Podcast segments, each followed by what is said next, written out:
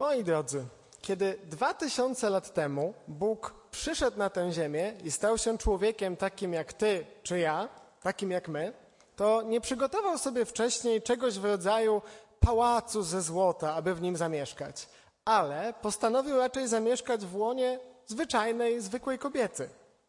Natomiast po narodzinach nie kazał sobie rozłożyć nawet takiego czerwonego dywanu, na jakim wita się współczesnych celebrytów, ale pozwolił swojej matce, aby położyła go w żłobie wśród bydła i wielu innych zwierząt, dlatego że nie było dla niego miejsca nawet w pospolitej gospodzie. W swoim miłosierdziu Bóg zapragnął zbliżyć się do każdego z nas. Zapragnął zbliżyć się do wszystkich ludzi i dlatego, że nie bał się ubrudzić ludźmi. Później, w ciągu swojej ziemskiej służby, Chrystus nie jeden raz dowiódł, że te słowa pozostają prawdą. Nie tylko były, są, ale i wciąż pozostają aktualne. I my możemy doświadczyć prawdy tych słów w naszym życiu, niezależnie od tego, kim jesteśmy, z czym się zmagaliśmy, albo też z czym się zmagamy. Otwórzmy proszę nasze Biblię na Ewangelii według Mateusza. Dzisiaj będzie dużo Ewangelii Mateusza, jak słyszymy. Dokładniej otwórzmy tę Ewangelię na rozdziale dziewiątym. Będę czytał wersety począwszy od 18 do 26. Czyli tutaj Ewangelia Mateusza, rozdział 9, wersety od 18 i dalej. Gdy to do nich mówił, mowa tu o Chrystusie, przyszedł pewien przełożony synagogi. Złożył mu pokłon i powiedział: Właśnie umarła moja córka. Przyjdź jednak, połóż na nią swoją rękę, a będzie żyła. Jezus wstał więc i wraz ze swoimi uczniami udał się za nim. Wówczas pewna kobieta od dwunastu lat, cierpiąca na krwotok, podeszła z tyłu i dotknęła frędzla jego szaty. Powtarzała bowiem sobie, gdybym tylko mogła dotknąć jego szaty, byłabym ocalona. A kiedy się to stało, Jezus obrócił się, spojrzał na nią i powiedział: Bądź dobrej myśli, córko, twoja wiara cię ocaliła. I od tamtej pory kobieta była zdrowa. Potem przybyli do domu przełożonego synagogi. Jezus zastał tam flecistów oraz lamentujący tłum. Odejdźcie stąd, powiedział bo dziewczynka nie umarła, lecz śpi. I zaczęli się z niego wyśmiewać. A gdy usunięto tłum, wszedł, ujął ją za rękę i dziewczynka wstała. I rozeszła się wieść potem o, po całej okolicy. Kiedy słyszymy tę historię, to myślę, że niektórzy z nas odnieśli wrażenie, że w zasadzie no nie ma w tej historii nic nadzwyczajnego, niezwykłego. No, takie kolejne cuda Jezusa, o których czytamy bardzo często w Ewangeliach. Można powiedzieć nawet, że mamy ich tam na pęczki. Wydają się nam one czasami tak bardzo znane, że niekiedy można powiedzieć, że do nich przywykliśmy, także nie robią już na nas wrażenia. Z tego powodu chciałbym zwrócić naszą uwagę na te elementy historii, których być może do tej pory nie zauważyliśmy. Dlatego, że sądzę, że są w niej takie szczegóły, które są bardzo piękne, a jednocześnie mogły, um, mogły zostać przez nas przeoczone, mogły uciec naszej uwadze. Jeśli pamiętamy tę historię, którą przed chwilą czytałem, to mowa tam jest o dwóch cudach Jezusa. Z jednej strony jest tam mowa o wskrzeszeniu zmarłej dziewczynki oraz o uzdrowieniu kobiety cierpiącej na krwotok. Jednak można powiedzieć, że w pewnym sensie mamy tutaj do czynienia nie z jedną, ale z dwoma zmarłymi osobami. Podczas gdy córka przełożonego synagogi okazuje się być martwa fizycznie, to kobieta cierpiąca na krwotok okazuje się być z kolei martwa społecznie. Skąd taki wniosek?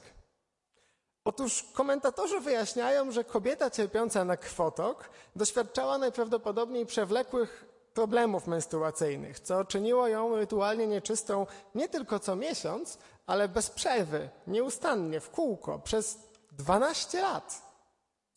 Czytamy o tym w prawie mojżeszowym, dokładniej w 15 rozdziale Księgi Kapłańskiej. Możliwe, że z uwagi na swoją dolegliwość kobieta nie mogła też znaleźć męża. I w związku z tym przez 12 lat pozostawała też wykluczona z życia małżeńskiego, wspólnotowego, religijnego, dlatego że wszystko, czego dotknęła, stawało się zgodnie z prawem również nieczyste. Jej istnienie było więc dla wszystkich ludzi wokół niej tak naprawdę zbędne. Być może czuła się niepotrzebna. Dla świata wokół niej była tak naprawdę martwa. Kolejną ciekawą kwestią w tej historii jest to, jak Chrystus postępuje z tymi, którzy według prawa pozostają rytualnie nieczyści. Zapytajmy może, o co prosi Pana przełożony synagogi? Odpowiedź znajdujemy w wersecie 18, gdzie czytamy: Właśnie umarła moja córka. Przyjdź jednak, i tutaj uwaga, połóż na nią swoją rękę, a będzie żyła. Prosi on Chrystusa o to, aby dotknął zwłok jego zmarłego dziecka. Tymczasem w XIX rozdziale Księgi Liczb prawo mojżeszowe wyraźnie zakazuje Żydom dotykać e, zwłok czy też zmarłych pod groźbą właśnie zanieczyszczenia. Następnie możemy przeczytać w wersecie 20, że kobieta z, krw z krwotokiem dotknęła frędzla jego szaty. To z kolei w żaden sposób nie wywołało u Jezusa odrazy, oburzenia, przerażenia czy pretensji, że teraz oto uczyniłaś mnie rytualnie nieczystym i teraz ja będę się musiał przez ciebie, kobieto, oczyszczać. W żadnym razie. Z kolei w wersecie 25 widzimy, że będąc w domu przełożonego synagogi, Pan Jezus podszedł do ciała dziewczynki i co zrobił? Zauważmy, ujął ją za rękę. Dlaczego w tych dwóch przypadkach Chrystus w ogóle nie obawiał się być zanieczyszczonym? Mimo, że, przypominam, tak nauczało prawo. Myślę, że w tym przypadku odpowiedzią jest tutaj pewien piękny paradoks. Syn Boży jest światłością świata, a ciemność, zbliżając się do niej, nie tylko jej nie przemogła, ale została nawet przez niego rozświetlona.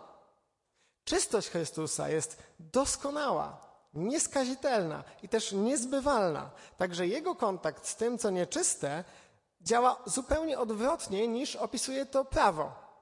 Dokładniej mówiąc, to, co nieczyste, nie tylko nie zanieczyszcza naszego Pana, ale wręcz przeciwnie. Wszystko, co dotknie się choćby z kraju jego szaty, natychmiast stanie się czyste. Co zatem wynika z tych dwóch obserwacji?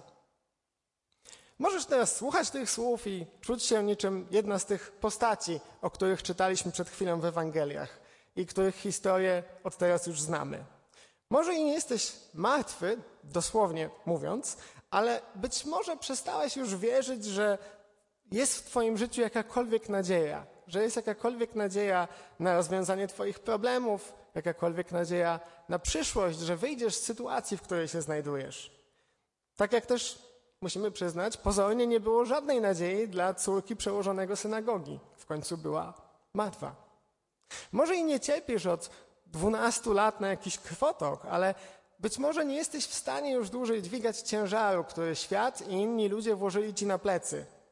Może jest to odrzucenie przez bliskich, może jest to wykluczenie społeczne przez znajomych, tak zwanych przyjaciół, a być może męczy cię pewna choroba, której nikt w twoim otoczeniu nie rozumie albo nie chce rozumieć. Grzech, nieczystość i nienawiść do samego siebie mogą przygniatać cię do tego stopnia, że być może nawet nie czujesz się godny zwrócić z nimi do Boga. Chcę powiedzieć ci jednak jedną rzecz. Przez swoją nieczystość w żaden sposób nie jesteś w stanie zanieczyścić naszego Pana. On nie boi się Tobą ubrudzić. Powtórzę to jeszcze raz. Bóg nie boi się Tobą ubrudzić.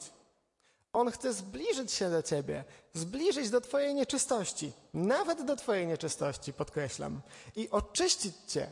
On chce mieć kontakt ze wszystkimi, ze zmęczonymi, strudzonymi, nieczystymi, niegodnymi, ze wszystkimi.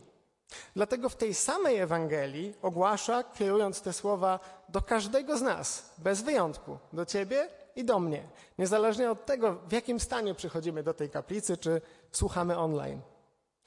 Przyjdźcie do mnie wszyscy zapracowani i przeciążeni, a ja wam zapewnię wytchnienie.